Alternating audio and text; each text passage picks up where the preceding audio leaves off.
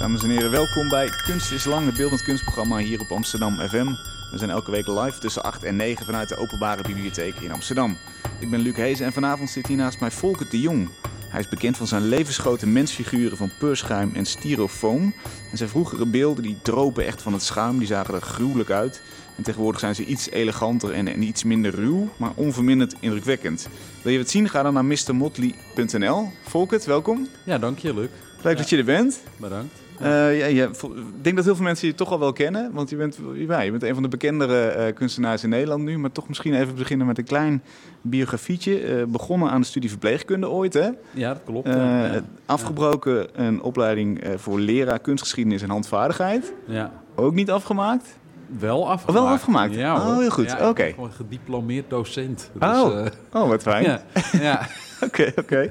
Ja. en, en toen rechtstreeks naar de Rijksacademie.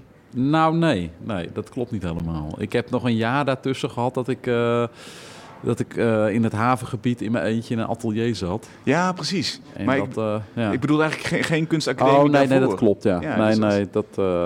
ja. Maar je hebt inderdaad een, een jaar geëxperimenteerd, zou je kunnen zeggen, hè? Wat, wat maakte je toen? Nou, ik was eigenlijk allerlei spullen aan het verzamelen in dat havengebied. Want er gebeurden s'nachts allemaal obscure zaken. De drug deals en prostitutie en zo. Ja. En eh, dat eh, vond ik eigenlijk veel spannender wat er om mijn atelier heen gebeurde dan wat ik in dat atelier deed. Oké. Dus ik heb al die, eh, daar ben ik spullen gaan verzamelen zeg maar, uit dat gebied. En ik ben dus een soort van crime investigation gaan doen daar. Want Dus er, er gebeurde van alles Er daar. gebeuren daar allemaal gekke dingen, ja. Echt heel ver weg in dat westelijk havengebied, zeg maar. Nu is het allemaal, denk ik, vrij safe. Maar toen En wat kwam ik dan 's ochtends bij het atelier en er stond er een uitgebrande auto. En, eh, Ah. of daar lagen allemaal vrouwenkleren en zo. Dus ik dacht van, my god, wat gebeurt er allemaal heel s'nachts? Ja. Ik wist wel inderdaad dat dus die Heineken-ontvoerders... die hadden daar dus eh, Alfred Heineken daar ergens in zo'n loods... dicht bij dat atelier dan... eh, dus ik, ik, ik- ik Ah. voelde wel een soort van, nou, dit is echt zo'n plek waar dus gekke dingen gebeuren. Ja. Maar ik was dus inderdaad, in mijn eentje zat ik daar in zo'n ateliertje. Ik dacht, van, wat doe ik hier? En, eh, en ik- als ik dan inderdaad 's ochtends aankwam met de fiets, dan vond ik daar allerlei spullen. Ja.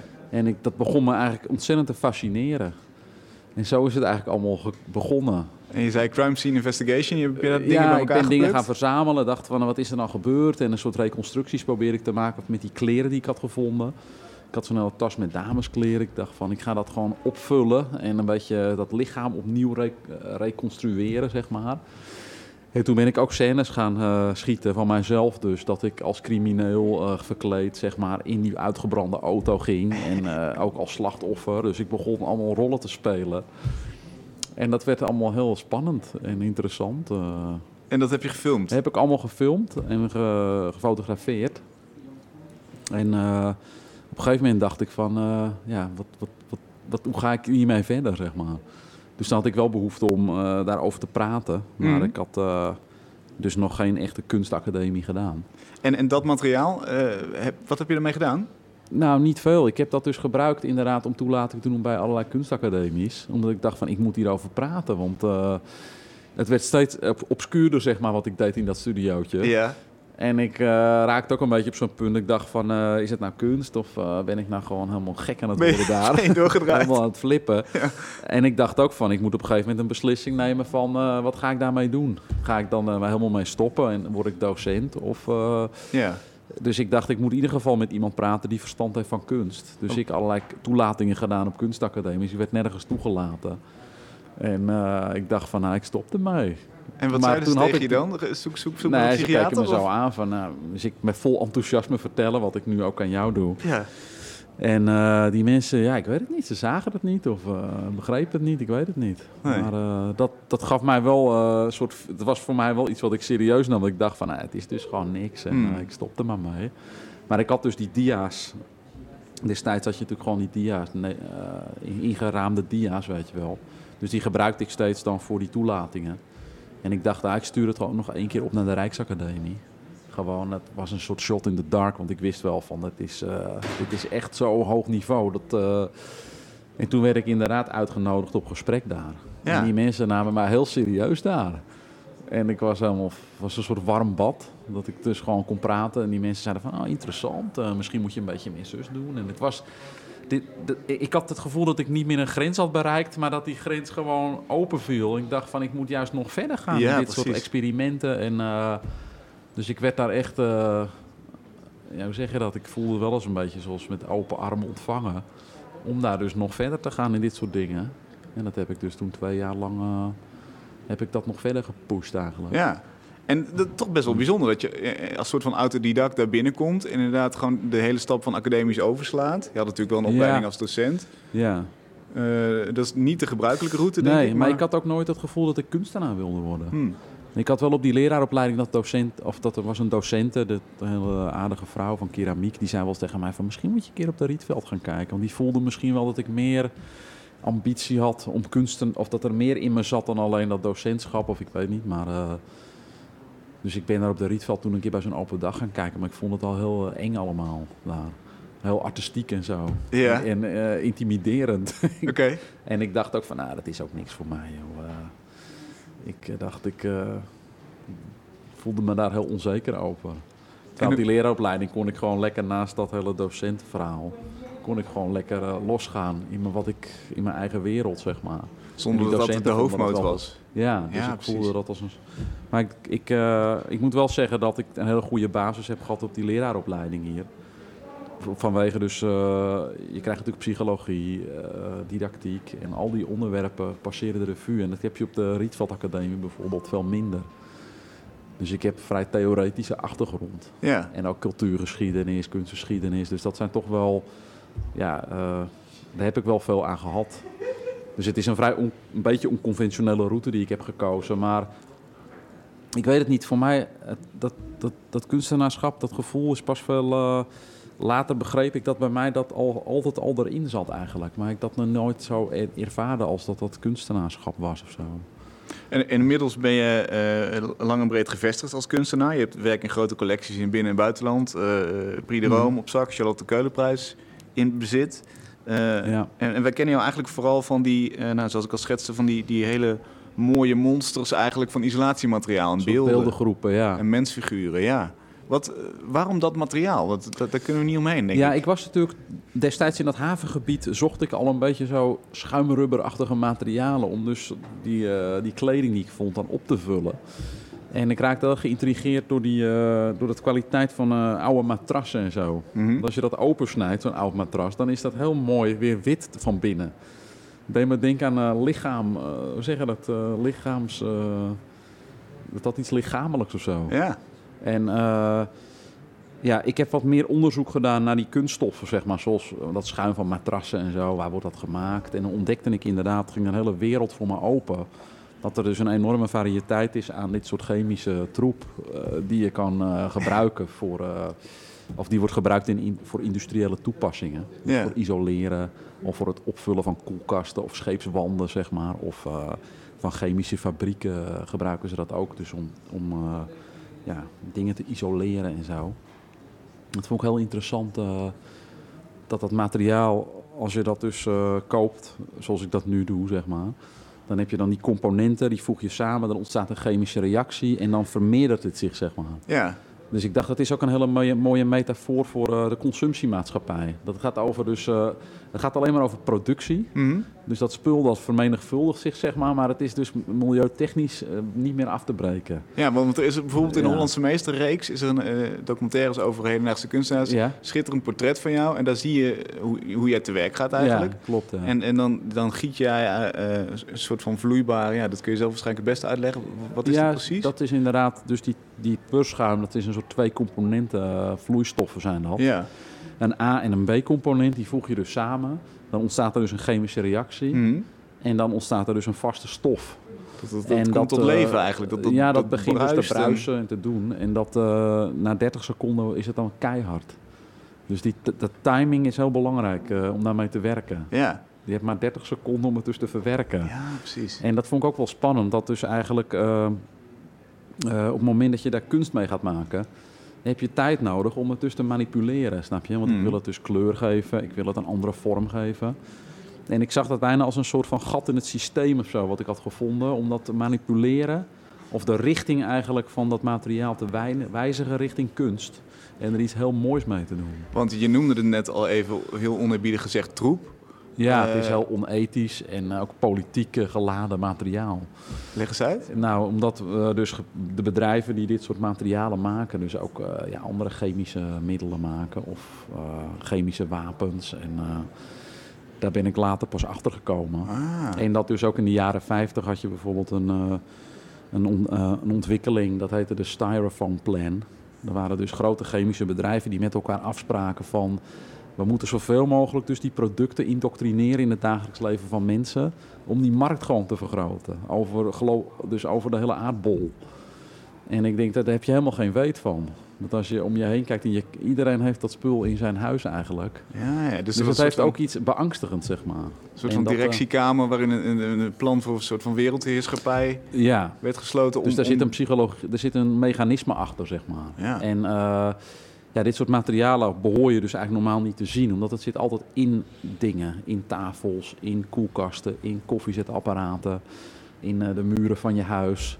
Dus je ziet ze nooit. En ik dacht, eh, dat, dat, dat fascineerde me, dat eh, die materialen die eigenlijk zo'n sterke relatie hebben met dus ja, alleen maar dus winstbejag, vermenigvuldiging, want het is dus een heel economisch materiaal. Je kan natuurlijk van twee componenten die voeg je samen, het expandeert 40 keer. het wordt Nou, 40 dat keer zijn eh, oorspronkelijke grootte. Bijvoorbeeld, ja. Oh. Dus dat is, eh, dat vind ik een heel mooi symbool ook voor hoe de wereld eigenlijk, eh, of hoe wij daarmee omgaan, zeg maar. En, maar goed, ik heb mezelf aangeleerd dus dat spul om te zetten tot kunstwerken. Ja. En dan ontstaat er dus ook iets wat gewoon ontzettend mooi kan zijn. Dat dat materiaal, dat, dat vloeibare, zeg maar, wat stolt binnen 30 seconden, dat houdt dat vloeibare nog vast. En het heeft iets heel aantrekkelijks ook door die kleuren. Dus dat is een, er zit een soort enorme tegenstelling in. Dat je zegt van het is iets afgrijzelijks qua onderwerp, maar ook iets heel aantrekkelijks visueel. En dat is voor mij eigenlijk was dat de sleutel om daar dus eh, ja, om daar kunst mee te gaan maken. En ook eh, dat ik merkte dat, dat, dat, dat, ik daarmee ook de reactie van het publiek kon eh, sturen, zeg maar. Of, Leg eens uit, of een beetje dat? manipuleren. Nou, net zoals die bedrijven dus eigenlijk proberen die met een bepaalde strategie dit soort materialen te, te introduceren Hmm. op de markt. Dacht ik eigenlijk het mechanisme van ook hoe mensen denken en hoe je dus ook in de stad loopt en hoe winkels geordend zijn in eh, bijvoorbeeld eh, winkelcentra. Dat daar zit ook een psychologie achter. Dat je dus eh, moet nagaan dat, dat iemand die dus winkelt, ja, die moet op een gegeven moment krijgt hij dorst of zo. Dus je moet dan een koffieshop hebben. Weet je. Ja, En ik vind dat een koffie. interessante psychologie. Ja, inderdaad. In dit geval, In maar- dit geval Ja. wel cappuccino. Ja, precies. Maar eh, dat is het kunst. eh, als je naar kunst kijkt, gebeuren, gebruik je eigenlijk dezelfde zintuigelijke. eh, ja, hoe zeg je dat? Mogelijkheden. Hmm. Om dus te begrijpen wat je ziet. En als het aantrekkelijker uitziet, dan krijg je bepaalde emoties of associaties die prettig voelen. Ah. Snap je? Dus dat Dus probeer zegt- ik te provoceren met die materialen. Dat je denkt van, hé, het ziet eruit als snoep. Kinderen vinden het ook helemaal te gek wat ik maak. Ja. Want die denken van, dit is een soort snoepwinkel. Ja, en als je dan, het is ook een manier om dat publiek mee te trekken, zeg maar, in dat verhaal erachter. En dat Ja, zijn dus- niet altijd de meest vrolijke verhalen die ik te vertellen heb. Maar goed, ik wil mensen ook niet meteen afschrikken. Maar het zorgt er voor een soort lichte manier van over zware dingen te kunnen praten. En eh, dat heb Dus, ik dus zo... eigenlijk de, de basale behoeftes die wij hebben als, als we door de Kalverstraat lopen. Jij zegt dat is allemaal uitgedacht door die mensen die dat hebben georganiseerd. Die weten op een Ja. gegeven moment wil je naar de wc en krijg je, heb je honger, heb je dorst. Ja, precies. En zo'n etalage zit eigenlijk ook aan de oppervlakte van jouw werk. Dus, dus Ja, ik vind het interessant om diezelfde mechanismen eigenlijk te onderzoeken. Van hoe de mens eh, shopt eigenlijk, zeg maar. Of Mhm. hoe, eh, hoe consumeer je? En, en, en als je dus kunst kijkt, hoe, wat, hoe consumeer je dat dan ook of niet? Hoe werkt dat? Zijn er vergelijkbare mechanismen aan het werk of niet? En hoe pak je dat aan? Want je zei die felle kleuren, die werken heel goed. Eh, dat dat, dat eh, onderschrijf ik. Als ik jouw werk zie, dan denk ik meteen... dat het is lekker, het is fel gekleurd, het is Ja. groot, het is, het is niet eh, te, te fijntjes of zo. Nee, Ja. niet zuinig. Nee, ja, nee. nee, nee, inderdaad. En dat, eh, ja. Wat, wat zijn er nog meer van zulke eh, tactieken? Eh, nou ja, ik denk eh, dat dat allemaal op zintuigelijk niveau plaatsvindt. Dus met name wat je ziet. Dus inderdaad de textuur, Mensen begrijpen ook niet vaak wat ze zien. Hmm. Ze herkennen dat materiaal niet, zeg maar. Dus dat wekt ook nieuwsgierigheid op, snap je? Je denkt van, hé, hey, wat is dat? Eh, dus dat is een soort van toenadering van mensen naar mijn werk toe. Ja. Door die verschijningsvorm van die materialen, zeg maar. Dus de, niet alleen de kleur, maar ook de textuur. dus ook de figuratie. Als je dus een kop ziet, dan denk je van... oh, die figuur die ziet er een beetje triest uit of zo. Dus er zijn een soort van psychologische mechanismen... waarmee je dus daarnaar kijkt en probeert te begrijpen wat je ziet. En dat kan soms heel misleidend zijn. Omdat de volgende stap is dus... Wat, ja, waar gaat dat dan over, mijn werk, zeg maar? Nou dat, zijn dan dat, dat zijn soms hele dramatische onderwerpen. En dat eh, levert altijd een soort van eh, shock op even, denk ik, voor mensen. Dat je denkt van, eh, dat, dat matcht niet met wat je zintuigelijk ervaart. Maar ik vind daarmee doorbreek je wel een soort van... Daardoor word je ineens wel bewust van die mechanismen die dus eh, plaatsvinden op de manier waarop je naar de wereld kijkt, zeg maar. Kun je daar eens een voorbeeld van geven? Dus, dat, dat nou ik ja, het choqueert mij heel erg dat, dat mensen dus de wereld zoals die dus materieel om ons heen is, zoals deze tafel waar we aan zitten of de stoelen, dat je vaak niet heel goed kan identificeren waar het van gemaakt is. En als je dan nagaat dat er dus bedrijven zijn die dat speciaal zo maken, zodat jij niet precies herkent wat het is of dat het nephout is. Dat, dat vind ik beangstigend, dat de realiteit dus soms niet is zoals je denkt dat die is. En daar, wil ik het, daar heb ik het graag over in mijn werk. Dus ik hoop ook dat mensen dan naar mijn werk kijken en dan gaan nadenken over dit soort onderwerpen. Ja, of dat zo is, dat weet ik, dat, dat, dat hoop ik dan. Ja. Want Maar als je naar jouw ja. werk kijkt, dan, dan, dan heeft jouw werk eigenlijk bijna geen oorsprong voor de meeste bezoekers, denk ik. Want eh, die hebben geen idee hoe dat styrofoam... ja waar dat zie ik wel als voordelig inderdaad. Ja, Dat het is een soort verrassing voor mensen. En eh, ja, dat, dat, dat geeft maar aan dat er dus mogelijk is om mensen zich open te laten stellen voor eh, iets. Door, middel, door, door visuele middelen in te zetten, zeg maar. dus je, jij trekt ze eigenlijk zo'n zo'n werk in. Ja. Eh, En de volgende stap is dan eh, een soort van verwondering of een soort van afvragen, wat, Ja. wat zien we nou eigenlijk hier? Ja, sommige mensen blijven ook hangen natuurlijk in die eerste laag. Hmm. Want ze zeggen van, nou, het ziet er te gek uit. Een beetje horrorachtig of zo, weet Ja. je. En andere mensen die gaan wat dieper. Die vragen zich af van, hey, wat doen die figuren dan? En, eh, dus je kan natuurlijk, er zitten verschillende lagen in, zeg maar. Maar het is, wel, ja, het, is in, het is wel vrij toegankelijk, denk ik, ook voor een breed publiek. Ja, Dat maakt het ook wel... eh, dat, dat, vind ik ook wel interessant. Dat mensen zich soms excuseren van... ja, ik weet niet veel van kunst, maar ik vind het heel mooi wat je maakt. ja dat is een groot ik denk compliment. van, eh, ja, maar ik denk ook van, eh, nou, het geeft gewoon aan dat mensen toch ontvankelijk zijn of, voor dingen. En ik vind dat, ja, dat vind ik juist wel goed. Maar het is ook tegenstrijdig, want eh, je, gebruikt dat, dat, dat, eh, eh, nou ja, dat rare materiaal eigenlijk, hè, bijna als, als soort van truc om in te zetten, om te verkopen waar Ja. het echt om gaat. Ja. Maar tegelijkertijd is natuurlijk het gevaar dat heel veel mensen inderdaad op die eerste laag blijven hangen. Hoe, hoe sta je daar tegenover? Ja, nou, ik leg dat, dat vaak door, door middel van een titel of zo, hè. Probeer ik dat ook te ontrafelen, zeg maar. ja, Maar het is ook zo in dat werk zelf. Je hebt vaak ook de achterkant van het werk. Je kan vaak zeggen als, beeld, als je een beeldhouwer bent, dat je ervan uit moet gaan dat een werk natuurlijk meerdere kanten heeft. En ik heb op de academie inderdaad geleerd van je moet dan, eh, de achterkant moet er ook interessant uitzien. Maar ik probeer juist die, eh, je moet juist zien hoe het gemaakt is. Dus, dus je hebt vaak een kant aan mijn werk dat je zegt van hé, hey, die illusie van, of die manipulatie werkt. ja, Maar die breek ik eigenlijk zelf ook weer af door te onthullen hoe ik dat doe. ja, Je ziet dus in dat werk zelf, eh, ja, zie je aanwijzingen. Je ziet een kwast zit er nog bijvoorbeeld vaak in. Of eh, je ziet aan de achterkant ineens zie je gewoon dat schuim wat je gewoon in de bouwmarkt kan kopen. Dus dan ontrafelt het zich ineens. Breng, probeer ik het weer terug te brengen tot gewoon materiaal. dus de illusie moet niet te goed zijn. Nee, ik moet dat. Het is net als met een eh, theaterstuk of zo. Ik denk van op het moment dat je dan achter het decor kijkt, dan denk je van, oh, maar het is maar theater. Maar het is met televisie en film ook zo, weet je. Ik bedoel, eh, als je op een filmset kijkt, dan eh, is dat helemaal, er is ineens die magie is, is er niet meer. Omdat je, ik ben toevallig zelf eh, een keer in eh, die BBC-studio's geweest, daar in eh, Londen. Omdat een verzamelaar die ik ken in Beverly Hills, die had werk van mij gekocht. En die zei, als je in Londen bent, moet je een keer... hij is filmproducent in Hollywood. En hij zei, je moet een keer naar, naar de BBC-studio's komen. En dan nemen we die filmmuziek op. En dan draaien ze dus inderdaad met zo'n orkest eh, een stuk filmfragment. En dan staat zo'n orkest daar te spelen. Ja, Maar ik had helemaal- het, eh, er viel iets. Ik was een beetje teleurgesteld eigenlijk. Omdat ik dacht ineens als je een film ziet, dan alles is zo perfect. Dat de emoties, weet je wel, die worden zo, um, je wordt zo snel meegetrokken. Ja. Door scènes, door licht, door beweging, door eh, animatie en zo. En als je ineens daar in zo'n studio zit waar dat in elkaar gezet wordt, dan denk je van, het is gewoon fake, weet je. Je wordt gewoon voor de gek gehouden. Ja, Maar de mensen vinden het heerlijk om voor de gek gehouden te worden. En dat is interessant, vind ik. eh, dat, en dat, dat, dat eh, zet je eigenlijk in. Want, want ja, ik vind dat een interessant... Het is kwets, dat maakt de mens kwetsbaar, vind ik. Weet je, als jij dus twee uur lang naar een bioscoopfilm kijkt... dan kan je, dat is toch wel een verantwoordelijkheid voor die filmmaker... om te denken van, nou, mensen die stellen zich twee uur lang open. En je kan van alles bij die mensen naar binnen schuiven. En dat doen ze natuurlijk ook met reclame en zo. Maar eh, ik denk dat er eerder veel misbruik van gemaakt wordt.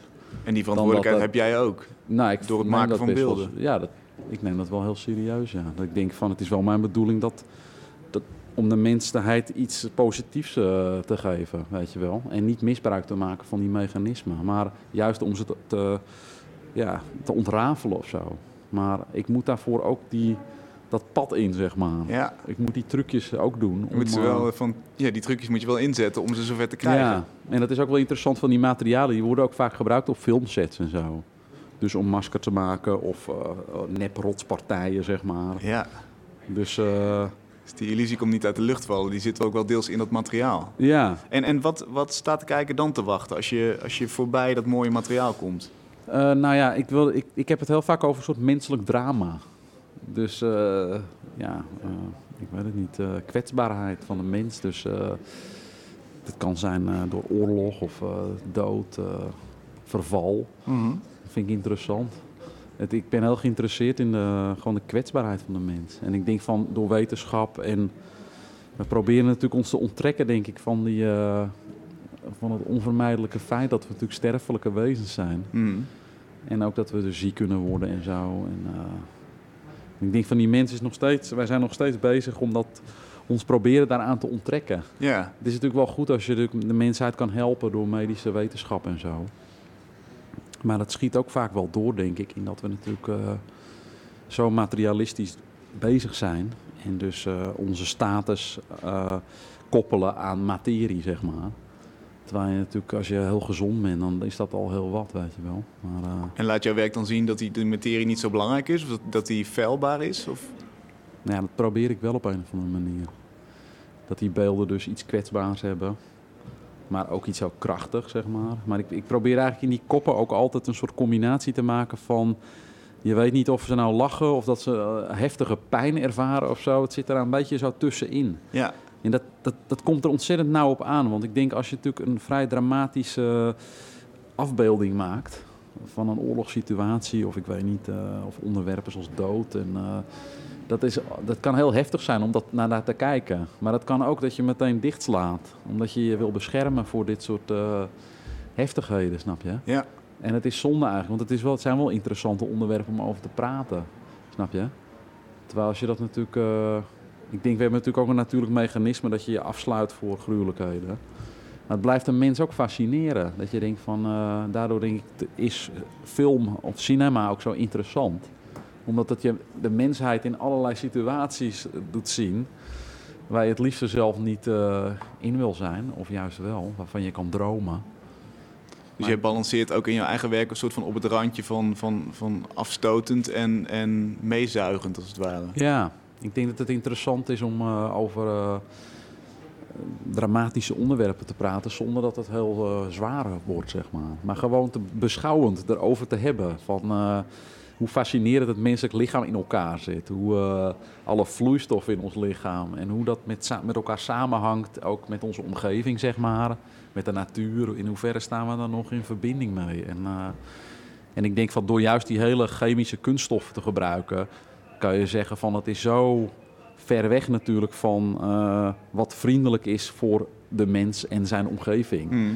Want dit gaat alleen maar over, over profiteering, over dus, eh, eh, hoe zeg je dat, eh winstbejag. Winst maken, zeg maar. ja. Maar goed, ik weet het niet. Het, het is natuurlijk zo als je mijn werk ziet dat je dat niet in 1, 2, 3 allemaal zo makkelijk kan begrijpen of ziet. Nee. Maar, dat, maar de mensen die geïnteresseerd zijn kunnen daar wel meer over te weten komen. En ik vind het interessant ook als kunstenaar dat, dat jij mij bijvoorbeeld vraagt om hierover te praten. Ja. En dat is voor mij ook een medium om dus eh, het daarover te hebben. En om deze context toe te voegen misschien voor ja, mensen die dus ik denk van, de nou, dat, dat, blijven. dat geeft toch iets extra's ook aan hoe mensen naar mijn werk kijken. Mooi, nou, da- dan gaan we, na de muziek eh, gaan we nog veel verder praten. Want eh, ik heb jou ook Ja. gevraagd om een geluidsfragment mee te nemen. ja, En daar gaan we even naar luisteren. Het nummer heet Golfball Head van The Melted Man. Oké. Je luistert naar Kunst is Lang vanavond met Volker de Jong. Die bekend staat om zijn levensgrote en met felle kleuren beschilderde mensfiguren. Gemaakt van peurschuim en andere isolatiematerialen. Eh Volker, dit, dit geluidsfragment kwam van jou. Ja, dat klopt, Eh, ja. Vertel, waar hebben we naar geluisterd? We hebben geluisterd naar Melted Man. En dat nummer heet Golfball Head. En ik wilde het graag laten horen, omdat ik, ik heb grote bewondering voor deze jongens die dit, die dit hebben gemaakt. Wie, wie zijn het? Wat doen ze? Nou, het zijn twee vrienden van mij. Pierre Tol en eh, Chris Cogan. En eh, Chris die, woont in eh, Athens in Georgia in Amerika. En Pierre die woont in Kroatië. En ik ben eigenlijk... ik ken Chris uit Amerika. Ik was daar op bezoek op de universiteit. En hij, geeft, daar, hij geeft les daar. En toen zei hij van ja, ik kom, ieder jaar kom ik in Nederland op, te- op te treden met Melted Man. Maar ik zeg, ik, nou, ik, zeg, ik ken dat helemaal niet. En, dus ik heb langzaam hem leren kennen en zijn vriend die dus destijds in Nederland nog woonde. En eh, ik heb hun op zien treden ook. Ze doen performances samen. Mm, onge- eh, ongepland, zeg maar. Eh, je weet nooit wanneer ze spelen. Maar het interessante van hun is dat er namelijk niks op internet te vinden is over hun. Zij hebben echt ontzettend veel moeite gedaan om dus niet vindbaar te zijn. en dat vond ik heel interessant. Daar- dat, daarom wilde ik het ook laten horen. Omdat hun dus heel onconventioneel zijn. Zij eh, brengen tijd door bijvoorbeeld samen in, daar in Georgia. En dat is echt de redneck country daar. Mm. Dus eh, ja, je hebt daar de Ku Klux Klan nog en zo. En eh, ik ben daar geweest. Het is echt eh, heftig daar. Je ziet heel veel van die pick-up trucks met van die vlaggen erop van de South, weet je wel. En hun gaan dus bijvoorbeeld in rieten rokjes en met houten maskers daar gewoon zo'n bar in om daar op te treden. Terwijl die mensen dus niet weten dat- wie hun zijn. En eh, ja, je kan je voorstellen dat ze dus regelmatig daar eh, problemen mee hebben gekregen. En, en wat trekt je daar uit zo in zo'n bar worden gesmeten en zo. Ja. Nou ja, wat ik mij daaraan aantrekt is dat het, eh, het doorbreekt alle dingen waar wij dus... eh, het doorbreekt een enorme taboe, zeg maar. Zij, zij, zij, zij doorbreken de, de regels eigenlijk. ja. En eh, hoewel het allemaal best bescheiden is, want ze over de treden geen wetten, zeg maar. Maar eh, ik, stel, ik heb het gevoel dat het bijna een soort eh, iets shamanistisch heeft of zo. Zij, zij onderwerpen zichzelf aan een soort van trance of een ritueel. Mm. Nou, dat, dat kan, ik noem het dan performance. Maar, en ik vind ook in die muziek hoor je een soort van, daar zit een soort bevrijding in. Die maakt me blij en optimistisch. Dat ik denk van, ja, het is gewoon, ja. En ook dat idee dus dat hun eh, juist niet op dat internet eh, te vinden willen zijn, vond ik ook verbazingwekkend. Ik dacht van iedereen wil wel een page op, in, op Ja, Facebook of iedereen wil toch weten van kijk, dit is wat ik doe. Dus promo het is een soort anti-promotie. En ik dacht daarmee houden ze eigenlijk een wezen een soort van macht ook over wat ze doen. Snap je? Ze zijn niet grijpbaar in de zin van eh, het is geen publiekelijk eh, bezit meer. Ja. Ik, dacht, ik twijfelde wel even om het te laten horen, want ik dacht van oh misschien willen ze dat juist niet. Maar eh, Ja, we- wel ik wilde het toch delen, omdat ik dacht bewijzen we geen dienst dan nu. dat zou kunnen, ja. Ik twijfelde nog even, maar eh, Nou ja. ik vind het toch belangrijk om, om daar aandacht aan te geven. Ik denk van er zijn dus mensen die heel veel moeite doen om dus gewoon niet mee te doen met dingen. En dus hun eigen regels te maken. ja, wat bijna En- een daad van verzet is tegenwoordig. ja, Dus. ja, dat is bijna een daad van verzet. Maar je zou kunnen zeggen, het is ook een, eh, een recht of zo wat je hebt als Ja. mens. Ja. Dus hun eh, willen ook geen cellphones in die zaal en eh, mensen met camera's. Dat, kost ontzettend veel moeite, hebben ze me laten weten. Omdat, ja, het is zo makkelijk natuurlijk even met je telefoon iets op te nemen. Ja. En ik dacht van, het, het, het, het, het reset eigenlijk alles even. Dat Hoe- je denkt van, je bent live, kan je dat meemaken met hun. En daarna Is er het is weg. het gewoon weg. En er is gewoon niks meer te vinden. Ze hebben ook geen eh, opnames of... eh, nou, dat vond ik echt zo cool. Ja. ja, ja, dat, dat, dat, dat deed dacht, ik wel eh, niet Ja, mee. dat vind ik mooi. Maar hoe is dat met jouw beelden? Want ehm, eh, je zou jouw beelden ook een soort van daad van verzet kunnen omschrijven. Hè? Er zit ook iets, iets anticapitalistisch in. In ieder geval, er, er zit een ironie in of, of een sarcasme in dat Ja. materiaal. Maar Mhm. tegelijkertijd zijn er rijke verzamelaars die, die jou in een collectie hebben. Ja, en dat zijn vaak ook dan mensen die bijvoorbeeld eh, aan de eigenaar zijn van grote bedrijven. En eh, Ik heb daar wel even zo een beetje over na moeten denken in het begin. Ik dacht van oké, ik had nooit verwacht natuurlijk dat mijn werk eh, ja, zo populair zou worden. Of dat mensen dat, dat zo'n hele installatie zouden aankopen. Ja. Maar eh, het was wel interessant om met die mensen eigenlijk eh, daarover te praten. Over, de, over mijn werk. Hoe gaat dan En zo'n over gesprek? Eh, nou, die mensen zijn ongelooflijk gepassioneerd eh, aan het verzamelen van kunst. Mm. En ik realiseerde me ook dat als je dus zeg maar dat koppelt aan het idee dat iemand dus... Ja, als je geld hebt, dan heb je eh, dus eh, bezittingen. Je hebt eh, heel veel dingen die je dus je status verhogen of Mhm. ook je levensstandaard. Maar je kan ook zeggen, kunst, het heeft iets ongrijpbaars op een of andere manier. Weet je wel, ik bedoel, een auto, daar kan je nog in rondrijden. Maar een kunstwerk, daar kan je alleen maar naar kijken. Maar blijkbaar is daar dus, als je dus voorbij materie gaat, denk ik dat kunst iets heeft wat eh, materie overstijgt.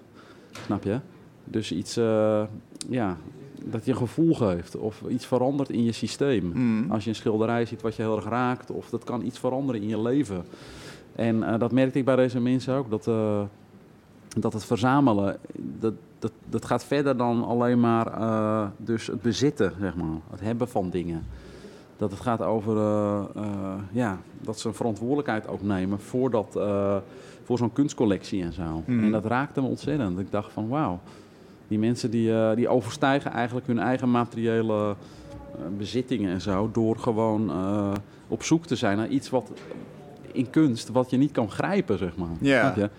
Ja, daarvoor heb je dan uiteindelijk dat kunstwerk no- nodig wel als medium. Maar dat gaat er dus om iets wat daarachter zit of zo. Of, eh, en ik, en dat, ik, het bracht me ook natuurlijk in de mogelijkheid om met deze mensen... om te begrijpen van hoe die mensen ook eh, hun ding doen, snap je? En, En ik en, kijk je daar dan anders naar? Heb je daar meer respect voor gekregen? Of, of is het minder zwart-wit Ja. geworden daardoor? Nou, ik heb daar wel respect voor gekregen. In, in de zin dat ik, dat, dat ik eh, denk van ja, iedereen zou je kunnen bekritiseren voor wat voor reden dan ook. Maar eh, je kan ook zeggen van, we spelen natuurlijk allemaal een bepaalde rol in zo'n maatschappij. Mm. En eh, ik vind het wel mooi als mensen natuurlijk door eh, muziek of kunst... ja, dat dat uiteindelijk je even optilt boven dat materiële. En ik, ik heb wel één keer meegemaakt, bijvoorbeeld in New York, dat ik daar op bezoek was bij een familie. En die mensen hadden inderdaad een kunstwerk van mij in huis. Dus wij gezellig, een borrel- borreltje erbij en eh, een hele leuke avond gehad. Toen hoorde ik dus later dat die man wapenhandelaar is. En toen dacht ik, was ik heel geschokt. Want ik Ja. dacht van, ik wil mijn kunst niet aan wapenhandelaren verkopen. Maar dat, ik, ik wist dat niet van tevoren. Ja. Snap je? En wat, en dat ik dacht van, dan? eh, ja, dan kan je dus zeggen van, ja, aan een dollar of een euro, je kan niet zien waar die, eh, wie dat ding in zijn handen heeft gehad, weet je wel. Mm. Het zet dingen wel op scherp. Dat je dus zegt van kunst vertegenwoordigt een bepaalde waarde. Nou, daar wordt geld voor betaald. Eh, waar komt dat geld vandaan? En dat, je komt zelf tot, nou, ik kwam zelf in een soort ethische kwestie terecht. Ik dacht van, eh, wat vind ik daarvan en zo? En, wat, wat vond je ervan?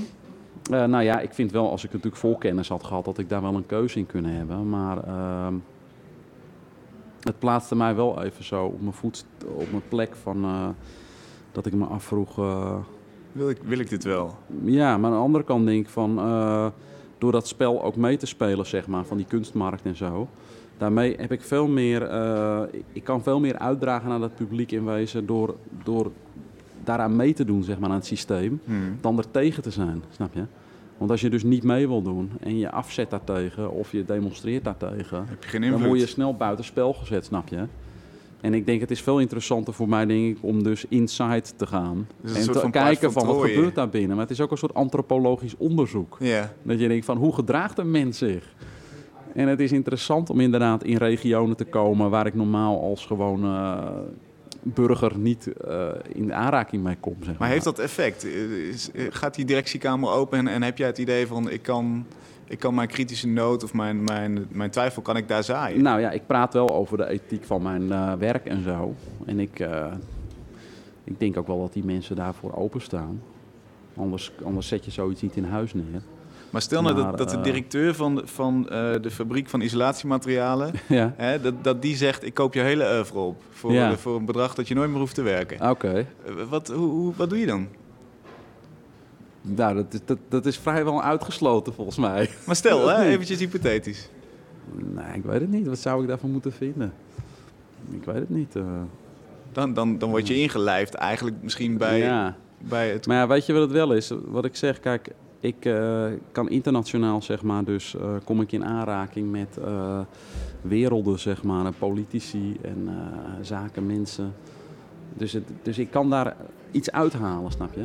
Ik kan daar iets, ik kan iets meenemen daarvan Mhm. in, mijn, in mijn werk. En ik denk van dat maakt mijn werk rijker en ik denk dat ik daarmee een groter publiek bereik. Dus ik, ik, ik speel dat spel ook mee, zeg maar. Dus ik verdien ook mijn geld daarmee. Ja, En ik, maar dat, dat zorgt ook dat ik mijn vrijheid hou om de dingen te doen zoals ik ze wil doen, snap je? Maar je, je moet je wel voorstellen dat het, eh, ja, dat het natuurlijk eh, interessant is, ook als je kijkt naar kunst, dat eh, als ik dan de bouwschuim zeg maar verwerk in mijn atelier, dat daarmee ook dus de, de hele kwestie van wat is de waarde van kunst, dat komt ook, dat onder, ondervind ik aan den lijve, zeg maar.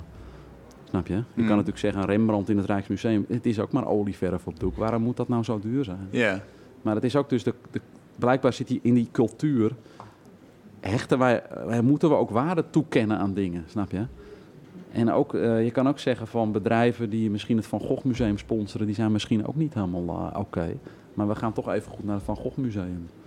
Snap je? Die, we hebben allemaal te maken met dit soort kwesties, denk ik. Ja. Ik bedoel, ik moet ook mijn boodschappen doen bij Albert Heijn. Maar ik denk ook van, als ik dat lees, denk ik van, nou ja, eh, snap je wat ik bedoel? Ja, Dus je, je, of je nou wil of het is heel moeilijk om je te onttrekken, denk ik, van dit soort systemen. Als, ook als je er tegen bent. Maar het is eerder interessanter, denk ik, om er wat minder, ja, hoe zeg je dat, eh, meer, minder veroordelend over te zijn. Maar meer te bestuderen en te kijken van wat kan je daaraan doen als mens. Ik denk van, ik, als individu doe ik op mijn bescheiden manier, eh, spreek ik over onderwerpen die ik belangrijk vind en waarvan ik denk, ja, dat, dat is goed om het daarover te hebben. Maar ja, aan de andere kant denk ik van, het is, ja, ik doe ook mee met dat, eh, met dat spel. Ja. En, eh, maar ja, ik vind goed, het een heel, ja. heel mooie quote van jou in, eh, weer in die Hollandse Meesters. Dat je zegt op een gegeven moment, het, is, het, is, het materiaal blijft voor eeuwig bestaan. Het is niet af te breken, in ieder geval door de natuur niet. Dus dat is goed nieuws en dat is slecht nieuws. Volgens mij zit daar die hele dualiteit in van, van, van die houding. ja, het bevraagt natuurlijk ook de, zeg maar de houdbaarheid van dingen. Hè. Ik merk gewoon van bijvoorbeeld in deze tijden dat, dat, dus dat het een beetje onrustig is zeg maar, in de wereld. Dat dus dat de kwestie van behoud van kunst ook weer steeds, steeds meer actueler wordt. Dat mensen zich steeds meer afvragen van hoe lang blijft het dan goed en zo. Ja, En ik denk dat het komt omdat we voelen ons kwetsbaarder. En ik denk als je naar het Rijksmuseum kijkt bijvoorbeeld, naar het behoud van, van schilderijen. Dat geeft je een soort van stabiliteit. Dat je denkt van, dat bestaat nog. Dus we zijn al- we, zijn er nog. honderden jaren. Ja, omdat precies. we daarmee verbonden zijn en het legitimeert onze afkomst, zeg maar. Hmm. Ik heb bijvoorbeeld werk opgebouwd een keer in het Haags Gemeentemuseum. In een tentoonstelling met een paar werken van Rembrandt. En daar kwam op een gegeven moment een soort militair team zeg maar, binnen met die kisten, met die Rembrandts. En ik werd bijna aan de kant geduwd, omdat ik dus eh, in de weg stond. Ja, En ik dacht van, hé, hey, hey, hier staat een levende kunstenaar, weet je. Maar eh, ik realiseerde me op dat moment dat, dat, dat, dat zo'n rem... Het is zo kwetsbaar. Ook onze cultuur is kwetsbaar. En ik, ik dacht, eh, dacht inderdaad aan werken terug die ik heb gemaakt in het verleden. Die bijvoorbeeld gaan over eh, Amerikaanse soldaten die bijvoorbeeld in Irak in zo'n museum binnendringen. Hmm. Of inderdaad Al-Qaeda-strijders die dan inderdaad beelden kapot maken. Dat, dat, dat, is heel, eh, dan raak je je vijand volgens mij op zijn kwetsbaarste plek. Dat is toch de cultuur. En, eh, dus ja, dat, dat zijn dingen waar ik veel over nadenk als ik zo in mijn atelier ben. En, eh, En als je het hebt over die, die oude meesters die, die bewaard zijn Ja. gebleven, dan, dan is jouw werk natuurlijk een soort van overtreffende trap daarvan. Want dat is niet, dat is niet te vernietigen. Dus dat, dat, Ja. dat, dat is misschien voor mensen over drie, vierhonderd jaar nog steeds een soort van ik troost weet om niet of, nog, eh, of ze nog weten wie ik ben dan. Maar, Nee? eh, nou, dat maakt verder ook niet uit. Ik denk van, kijk, als je kijkt naar bijvoorbeeld het oeuvre van Van Gogh of zo, of, de Ja. toeval, of je kan ook zeggen de processen die plaatsvinden in de geschiedenis, eh, waardoor bijvoorbeeld zo- zo'n collectie als in het Van Gogh Museum, waarom dat nog er is, zeg maar. Dat heeft ook te maken met processen daaromheen, weet je wel. Machtprocessen. Hmm. Omdat je zegt van eh, ja, ver- rijke verzamelaars. Of, eh, er speelt altijd geld en macht een rol, zeg maar, ook in het behoud van cultuur. Dus ook dat is En dan kan je zeggen, die nou dat is heel ook. fijn dat dat gebeurd is. Want anders hadden we die kunstwerken niet meer gehad. Ja. De andere kant is dat je je af kan vragen natuurlijk van, eh, ja, die mensen die dat toen... eh, het zijn interessante onderwerpen, denk ik. Ben je er voor jezelf uit wat, waar, waar voor jou een grens ligt, ethisch gezien? In hoeverre, hoeveel wil je dat het spel spelen? voorkennis hebt en je kan een beslissing nemen van dit is geld wat, wat komt uit iets wat voor mij niet acceptabel is. Dan zou ik het niet, eh, Niet doen. niet doen. Maar ik denk, ja, weet je, eh, je hoeft je ziel niet te verkopen, denk ik, eh, voor geld. Maar het is best wel moeilijk, vind ik, als je geld verdient om te weten van... Tuurlijk, ik ben ook vandaan? blij dat je, eh, dat je het ermee kan redden, weet je wel. Ja. Het geeft je ook vrijheid. En, maar ik denk, al dit soort onderwerpen zijn bij mij gewoon... komen steeds meer zo aan de orde. Ja. En ik denk van, ik wil dat onderdeel maken van mijn kunstwerken. Ook om het erover te hebben. Anders je- hadden we het nu ook niet over gehad. Kun je je één moment herinneren op heel hoog niveau, bijvoorbeeld een verzamelaar of, of een directielid, eh, waarop jij dacht van ja, ik heb nu met jou dit gesprek en, en dat maakt het al waard dat, eh, dat ik het spel meespeel. Snap je wat ik bedoel? Dus misschien eh, is, je, is jouw, de herkomst van jouw geld niet Ja. helemaal zuiver, maar ik heb nu iets bereikt. Ja, dat weet ik, ja. Ik hoef geen naam hoor. Nou maar- ja, ik weet niet. Ik heb heel veel mensen ontmoet, denk ik, die... eh, ja. Maar ja, ik ken bijvoorbeeld een dokter, een, eh, een man die heeft dus zijn hele leven lang eh, als dokter gewerkt in een, een ziekenhuis voor kanker. Mhm. En die is nu van kunstverzamelaar is nu galeriehouder geworden. En die man, hij is al een beetje op leeftijd, zeg maar. Maar ik denk van, ja... De man die heeft dus al, hij heeft al wat voorbij zien komen in zijn leven, in dat ziekenhuis. En ik denk van dat hij nu met kunst bezig is. Dat is toch wel heel eh, bewonderenswaardig, vind ik. Dat die mensen dus een soort link leggen tussen kunst en het le- menselijk leven, zeg maar. Weet je wel. Kunst gaat dus in wezen dus ook over, over het leven. En eh, dat maakt kunst ook kwetsbaar, denk ik. Ja. En, eh, maar ook juist interessant. Zo van, en, en ook, ik denk dus ook heel veel na over wat is die plek van die kunstenaar, weet je wel. Ik bedoel, van een dode kunstenaar kan je zeggen van ja, dat, ze, doen maar wat met dat werk dan. En daar wordt iets goeds mee gedaan of niet. Maar je kan je natuurlijk ook afvragen van als je een levende kunstenaar bent zoals ik, van wat is je verantwoordelijkheid? Is het je taak ook om uit het atelier te stappen en dingen aan de kaak te stellen? Of, eh, ik weet het niet. Het hoeft niet iedereen te doen natuurlijk. En voor jouzelf? Maar voor mij is dat heel belangrijk, ja. Ja. Dat ik denk van, het is toch een soort medium. Ja, ik bedoel, eh, ik heb maar een eenvoudige verpleegkundige opleiding ooit gedaan. ik denk, daar had ik ook goede dingen mee kunnen doen als ik daarmee door was gegaan. Maar ik heb wel het gevoel dat ik iets moet doen waar ik eh, ja, wat iets toevoegt aan, eh, aan een discussie. Of, eh, ja. Wanneer had je meer mensen geholpen, denk je? In, in je huidige beroep of als verpleegkundige? Ik denk dat ik het nu beter doe. Ja? Ja, Ja, ik denk het wel, ja. Ja. ja. Nee. Nee, ik spreek heel veel mensen die dus, eh, ja, die dus heel veel troost bijvoorbeeld halen uit mijn werk. Of, eh, ik stond inderdaad een keer in Amerika dus eh, in zo'n wolkenkrabber mijn werk op te bouwen. En dan kwamen dus zakenmensen naar binnen en die zeiden van, are you the artist? En ik schrok een beetje, want ik dacht van, die gaan wij iets aandoen of zo. En die man zei, mijn zoon die zit in Irak in die oorlog en je werk doet me er onwijs aan denken, bedankt. Want ja, ik, hij voelde zich weer helemaal even goed of zo.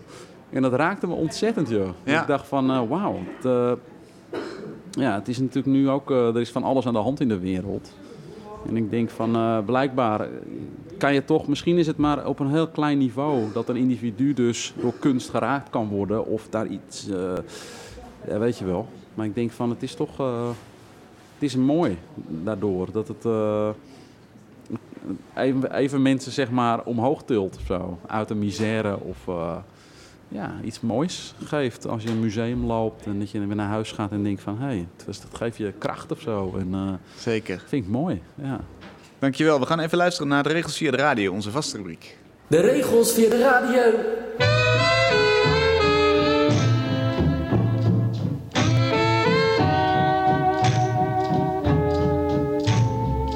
Regels van de radio, radiowerk 15. Dit werk heet Spirit Cooking. Mix verse melk van de borsten met verse melk van het sperma. Drink bij aardbevingen. Op je knieën, boen de vloer. Met je adem inhaleer je het stof. Was je beddengoed in citroensap. Bedek je kussen met salie. Met een scherp mes snijd diep in de middelvinger van de linkerhand. Eet de pijn. Met je gezicht naar de muur eet negen rode hete pepers. Neem 13 ongesneden bladeren van groene kool met 13.000 gram jaloezie, Stoom voor een lange tijd in diepe ijzeren pot tot al het water verdampt is. Eet het net voordat je aanvalt. Verse ochtendurine, sprenkel over nachtmerries. De, de regels via de radio.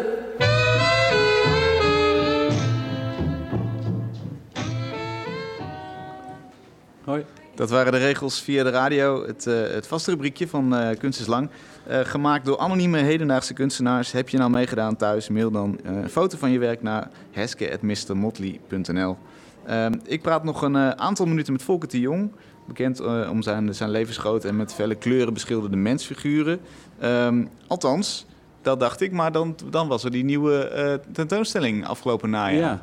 Waar, waar bijna geen, geen schuim en geen mensfiguren te zien waren. Ja, hoe, van waar de shift? Nou, ik was.